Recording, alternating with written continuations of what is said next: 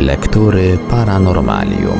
W Radiu Paranormalium kontynuujemy prezentację niezwykle interesującej książki pod tytułem My z kosmosu, autorstwa nieżyjącego już badacza i publicysty Arnolda Mostowicza. Większość sensacyjnych jak na lata 80. spraw do dziś nie znalazła satysfakcjonującego wyjaśnienia. Na antenie prezentujemy w odcinkach wydanie drugie tej książki z 1984 roku.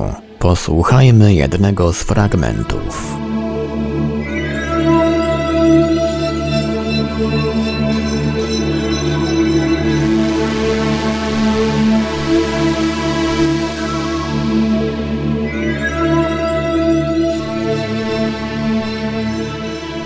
Czarne kamienie z Ika.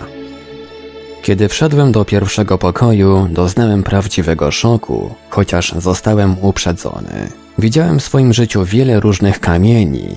Widziałem stanowiska archeologiczne i ślady po zaginionych cywilizacjach, jednak to, co tym razem miałem przed oczyma, przekraczało wszystko, o czym marzyć mogłem, kiedy jako młody chłopiec szukałem skarbów w lochach opactwa Szachu. Setki, tysiące czarnych, zaokrąglonych kamieni różnej wielkości pokrywały podłogę i zapełniało drewniane półki. Przyjrzałem się im bliżej. Rzeczywiście, Cabrera nie skłamał. Wyryte cienką, wyraźną kreską widniały na tych kamieniach rysunki przedstawiające jakieś sceny i zwierzęta przedhistoryczne, ludzi walczących z potworami, mapy kontynentów, które zaginęły, wreszcie rysunki przedstawiające niezwykłe operacje chirurgiczne. Była to niewątpliwie historia cywilizacji, cywilizacji naszych wielkich przodków, których ślady tropię od dziesięcioleci. Przez trzy dni i trzy noce nie mogłem zmrużyć oka. Tak rozpoczyna Robert Shahu swoją relację o niezwykłym muzeum doktora Cabrery z Ika. Autora tej relacji już przedstawiliśmy. Kim jest dr Cabrera? Dr Cabrera Darquea jest chirurgiem, profesorem Uniwersytetu w Ica. Jest również członkiem wielu towarzystw naukowych. W prostej linii pochodzi od Geronimo Luisa, który w 1565 roku założył miasto Ica. Robert Charoux w swoich wojażach, w poszukiwaniach dowodów mogących potwierdzić jego koncepcję dziejów cywilizacji ludzkiej, wielokrotnie, rzecz to zrozumiała, zahaczał o Peru. W 1973 roku przyjechał tu ponownie, by raz jeszcze przyjrzeć się niezwykłym pasom i rysunkom naziemnym w Nazca. I wówczas od pewnego inżyniera agronoma towarzyszącego mu w wyprawie dowiedział się o zbiorach doktora Cabrery w Ica, miejscowości niezbyt od Nazca odległej. Od 15 lat gromadzi Cabrera kamienie, czarne kamienie pokryte rysunkami. Znajdują je tubylcy na głębokości jednego, dwóch metrów, w odległości kilkudziesięciu kilometrów od Ika. Kiedy się te kamienie oczyści z nawarstwionego na nich brudu, ukazują się na nich niezwykłe, ozdobne rysunki. Od lat zresztą, co bardziej pomysłowi tubylcy sprzedają te kamienie turystom za grosze. Niektóre z tych kamieni są niewielkie, niektóre olbrzymie. Kilkanaście tysięcy sztuk znajdujących się w zbiorach doktora Cabrery ich właściciel odpowiednio sklasyfikował i poukładał tematycznie. Oprócz doktora Cabrery, kilkutysięczny zbiór tych kamieni ma muzeum w Ica, a po kilkadziesiąt sztuk inne muzea w Peru. Kiedy się ogląda te kamienie, nasuwa się tylko ta alternatywa. Albo jest to fantastyczny, jedyny w swoim rodzaju przekaz historyczny, albo to wszystko stanowi mistyfikację i jest od początku do końca sfałszowane. Innej możliwości nie ma. Co widzimy na obrazku? Czegóż to nie widzimy? Przede wszystkim prawdziwy ogród zoologiczny sprzed dziesiątków i setek milionów lat. Na tle dekoracji przedstawiającej florę z tych właśnie epok defilują przed oczyma zdumionego widza wizerunki zwierząt znanych właściwie tylko paleontologom i amatorom niektórych filmów. Dinozaury, brachiozaury, brontozaury, pteranodony, stychozaury, stegozaury i... I jakby naraz artysta postanowił przeskoczyć wyobraźnią miliony lat. Na innych kamieniach widnieją sylwetki zwierząt, które pojawiły się w dziejach historii naturalnej o wiele później, jak strusie, kangury, nietoperze, wielbłądy itd. No i oczywiście ludzie.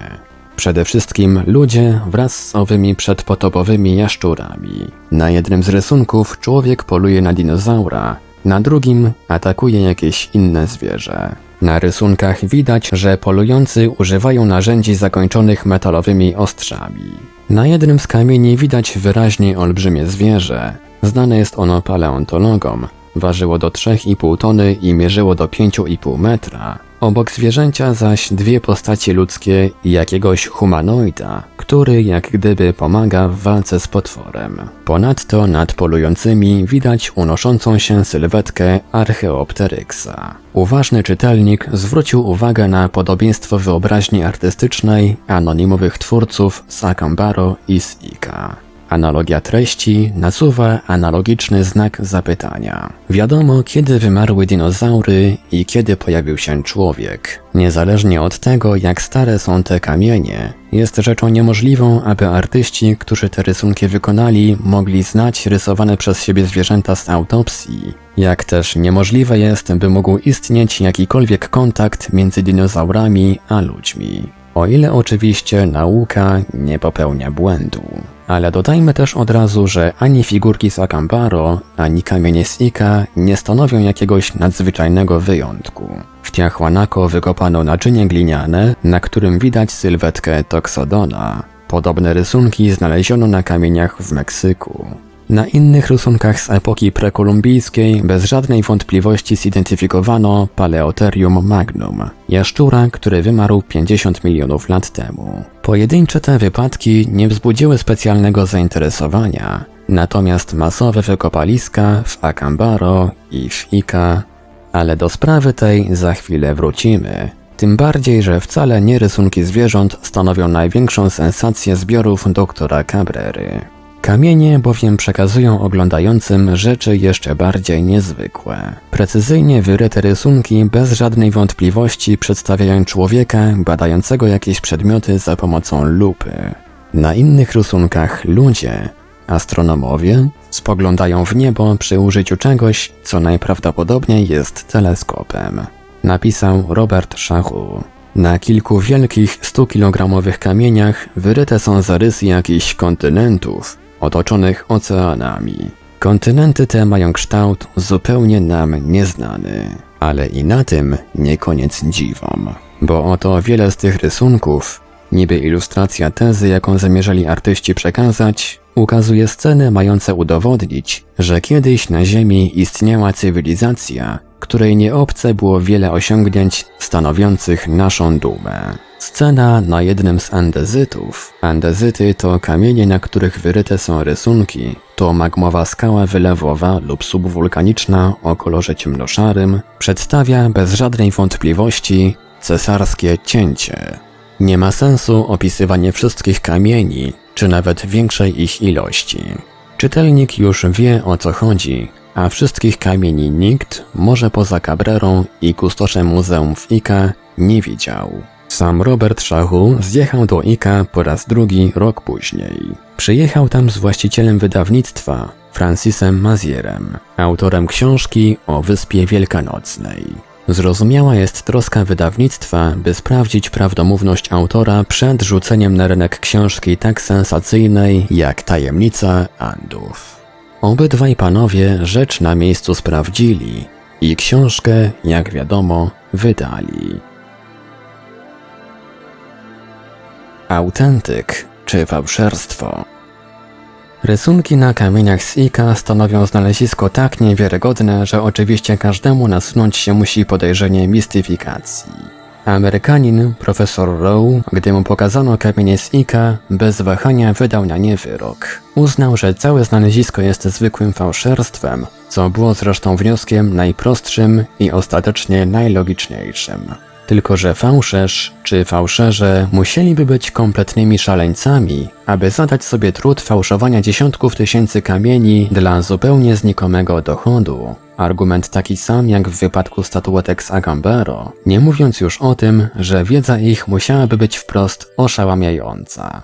Zarówno z dziedziny paleontologii, jak i medycyny, techniki, zoologii. Wydaje mi się, że dzieje tego odkrycia mogłyby pomóc w wyrobieniu sobie właściwego poglądu na wartość kolekcji doktora Cabrery. Kiedy Robert Charroux na łamach Paris Match rozgłosił wieść o kamieniach z Ika, wydawało mu się, że to właśnie dr Cabrera jest tym, który pierwszy wpadł na ich ślad. Ale gdy zaczęto dokładnie szperać w bibliografii, okazało się, że już w 1926 roku jezuita Pedro Simon w swojej książce Noticias Historiales pisał o kamieniach z Ika jako o czymś w jego epoce dobrze znanym archeologom. A jeszcze później wyszło na jaw, że archeolodzy peruwiańscy już w XIX wieku mieli w swoich rękach pierwsze kamienie odnajdywane na polach pod Ika. Innymi słowy, rzecz była znana od dawna, tylko że nie zwrócono uwagi na jej sensacyjny charakter. Nie pierwszy to i nie ostatni tego rodzaju wypadek. Trzeba było dopiero żmudnego zbieractwa doktora Cabrery i gwałtownego pióra Roberta Charroux, by sprawa stała się głośna i zainteresowała opinię publiczną. Oto, co na ten temat podała 5 lutego 1975 roku poważna skądinąd gazeta z Limy, Prensa. Jest rzeczą istotną, by eksperci z Narodowego Instytutu Kultury zajęli się poważnie kamieniami z Okukache, miejscowość obok Ika, gdyż wiele z nich znajduje się w rękach prywatnych zbieraczy, którzy uznają je za autentyczne i cenne. Dr Herkules Bendezu, przyłączając się do opinii profesora Nimio Antezanas Ika, twierdzi, że choć istnieją kamienie fałszywe, nie można podawać w wątpliwość faktu, iż większość z nich jest autentyczna. Profesor Zanaida Galegos z Limy jest tego samego zdania i dodaje – Obecnie w IKA mówi się i wysuwa różne spekulacje na temat olbrzymiej kolekcji doktora Cabrery Darquea, który poświęciwszy się swoim zbiorom jest ofiarą uwłaczających mu komentarzy.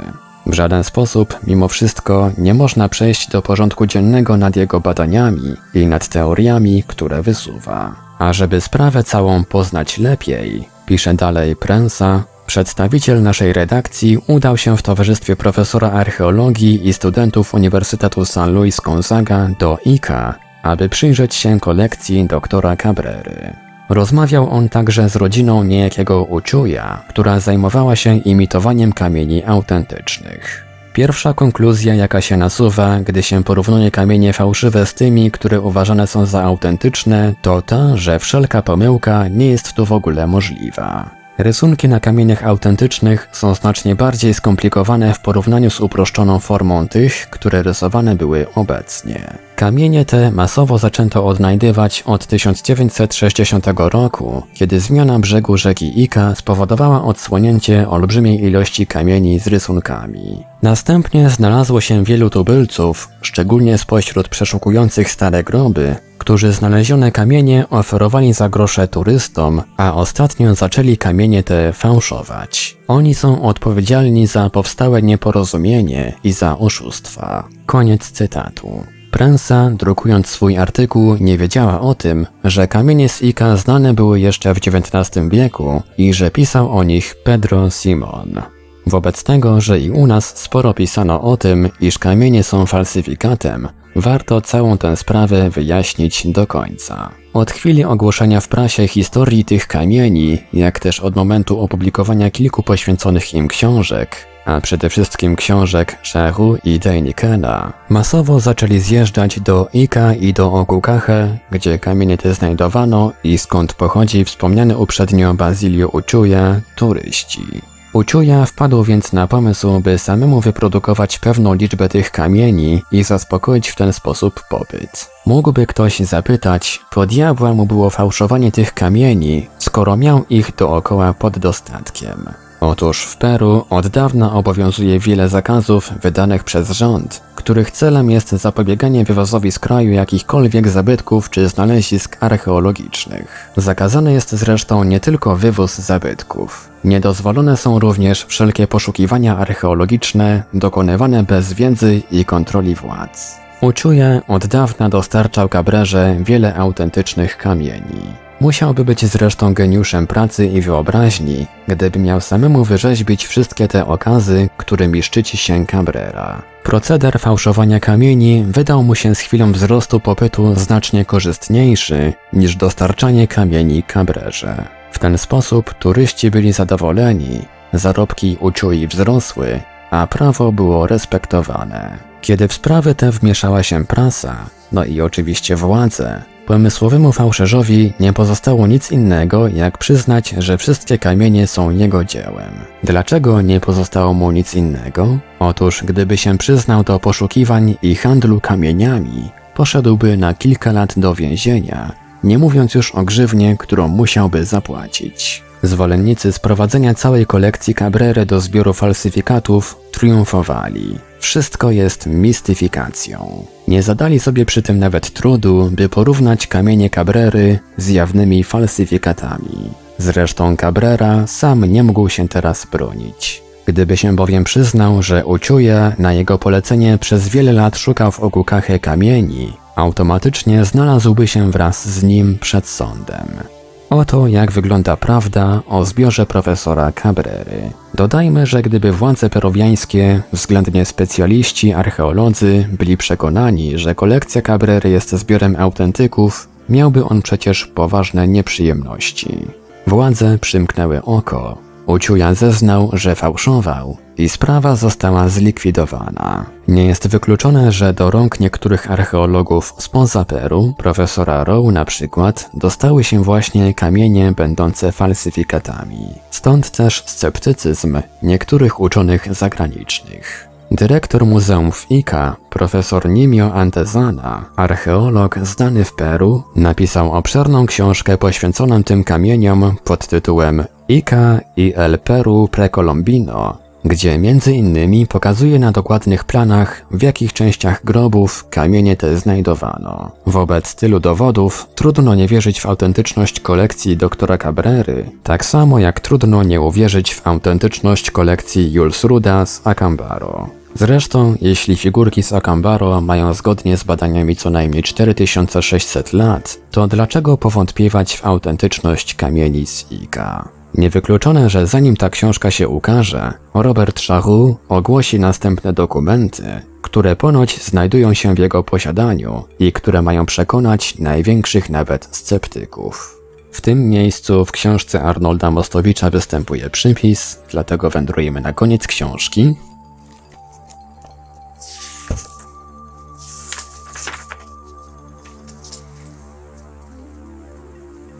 I czytamy. Szachu takiej pracy nie ogłosił, ale jak się dowiedziałem, sam Cabrera wydał w Peru obszerną książkę poświęconą swojej kolekcji. Książka zaopatrzona jest w wiele dokumentów potwierdzających autentyczność kamieni.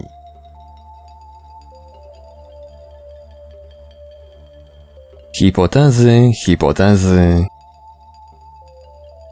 jest to chyba najdelikatniejszy problem całej tej historii. Jeśli bowiem uznać, że zarówno kamienie z Ika, jak i figurki z Akambaro są prawdziwe, to oczywiście każdemu nasunąć się muszą pytania. Kto jest twórcą tego przekazu? Skąd się te zbiory wzięły właśnie tam, w Ameryce Południowej?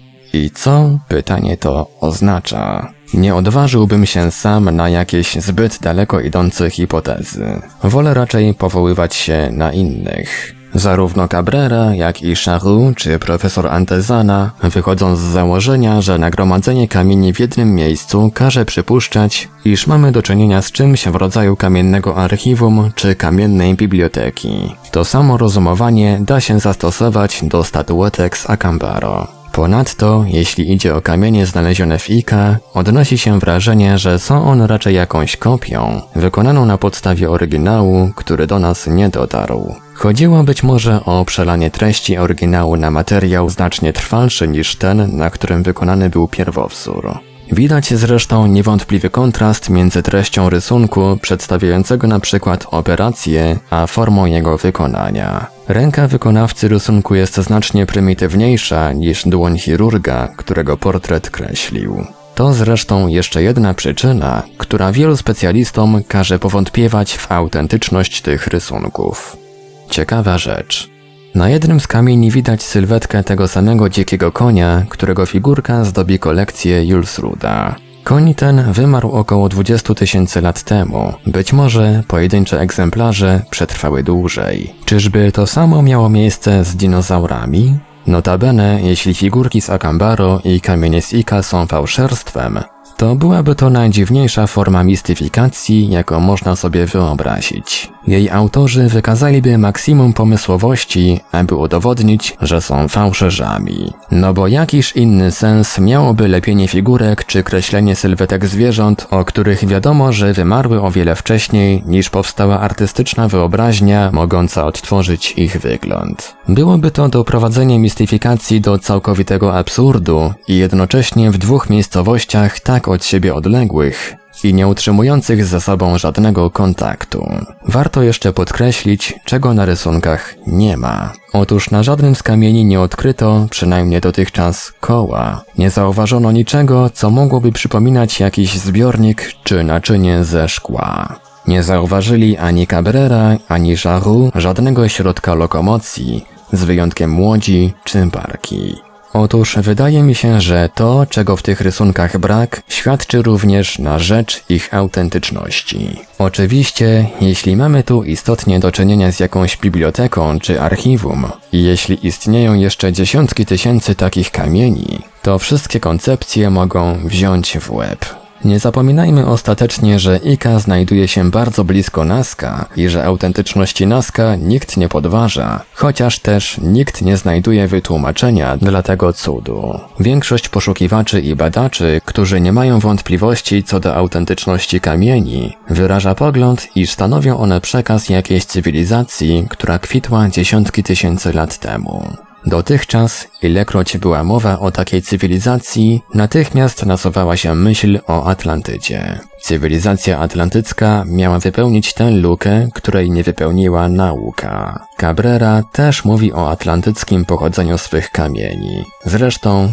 nie tylko Cabrera. Ale to było przed pracami i książkami, które coraz natarczywiej dopominać się zaczęły o postawienie na porządku dziennym sprawy kontynentu, który, na skutek gigantycznej katastrofy, zapadł się w głębiny Pacyfiku. Jeśli idzie o mnie, to po przeczytaniu książek Blumrysia i Claude Louis Vincent jestem przekonany, że kamienie z Ika są jakimś dokumentem wiążącym się z ową praojczyzną Indian amerykańskich. Wspomniałem już o innych znaleziskach nasuwających porównania między kulturą Indian a pozostałościami jakiejś dawnej kultury na wyspach Pacyfiku. W książce Rumaki Lizypa Zenona Kozidowskiego interesujący się tym problemem znajdą ciekawe materiały dotyczące śladów Atlantydy w Ameryce Południowej. Oto o czym między innymi informuje autor w rozdziale zatytułowanym Atlantydzi w dżungli Brazylii.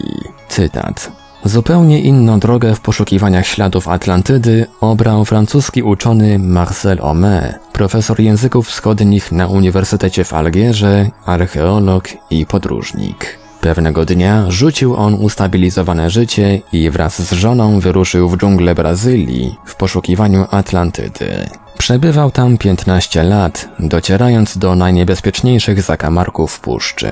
Tam, w nieprzeniknionym gąszczu tropikalnej wegetacji, odkrył gigantyczne ruiny świątyń i grobowców, inskrypcje i rysunki na kamieniach. Przede wszystkim uderzyło go to, że rysunki zwierząt przypominają żywo malowidła ścienne człowieka z Cro-Magnon w pieczarach Francji i Hiszpanii. Występuje tam nawet ten sam człowiek, czy szaman, ubrany w skórę i rogi jelenia. Znaki wyżłobione na ścianach są podobne do staroceltyckich napisów w Europie. W pewnym miejscu Ome odkrył nawet grobowce megalityczne, podobne do dolmenów w Palestynie i Europie. Wniosek Francuza był prosty.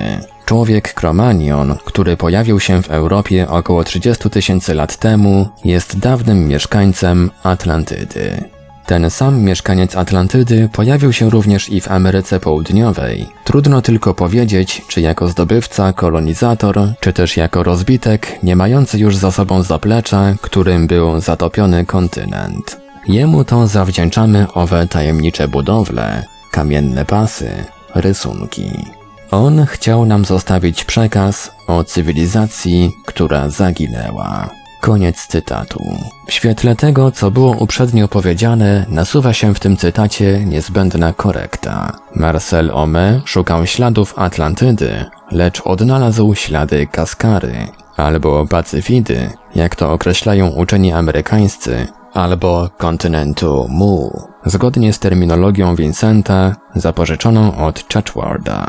I gdy uwzględnimy tę korektę, jak też uwzględnimy wszystkie ostatnie odkrycia dokonane na Wyspach Pacyfiku, wtedy cały obraz staje się przejrzysty, zrozumiały i co więcej, prawdopodobny. Inaczej patrzymy na mury Tiahuanaco. Poprzez pasy i rysunki płaskowyżu Nazca dostrzegamy historię pojawienia się w Ameryce Południowej pierwszych przybyszy z kontynentu, który uległ katastrofie. Inaczej patrzymy na petroglify, które tu, jak zresztą na całym naszym globie, przekazują nam obraz istot przybyłych prawdopodobnie z innej planety. Zaczynamy wreszcie rozumieć sens legend indyjskich i wielu przekazów kronikarzy z XVI wieku. Czy to jest owa ostateczna prawda o początkach i dziejach cywilizacji południowoamerykańskiej, czy też tylko jedna z licznych hipotez, którą jutrzejsze odkrycia odrzucą? Nikt na to nie potrafi dziś odpowiedzieć. W każdym razie nad tym wszystkim, co zostało tu powiedziane, nad wszystkimi tymi odkryciami archeologicznymi, nie powinna się unosić anatema naukowców, którym niezwykle trudno zerwać z dotychczas panującymi w tej dziedzinie poglądami, tak jak trudno odstawić czasem stare, znoszone, lecz wygodne buty, po to, by założyć nowe, lepszej jakości, ładniejsze z wyglądu, ale przecież cisnące. Bo może się zdarzyć, że gdy takie nowe spojrzenie, nowa hipoteza zostanie przez tego czy innego naukowca odrzucona, względnie ośmieszona, on sam pewnego dnia ośmieszy się swoim upartym trzymaniem się wytartych schematów. W Radiu Paranormalium zaprezentowaliśmy fragment książki Arnolda Mostowicza My z kosmosu. Dalszy ciąg w kolejnym odcinku Lektur Paranormalium. Archiwalne odcinki Lektur Paranormalium znajdziesz do pobrania w archiwum naszego radia na stronie www.paranormalium.pl.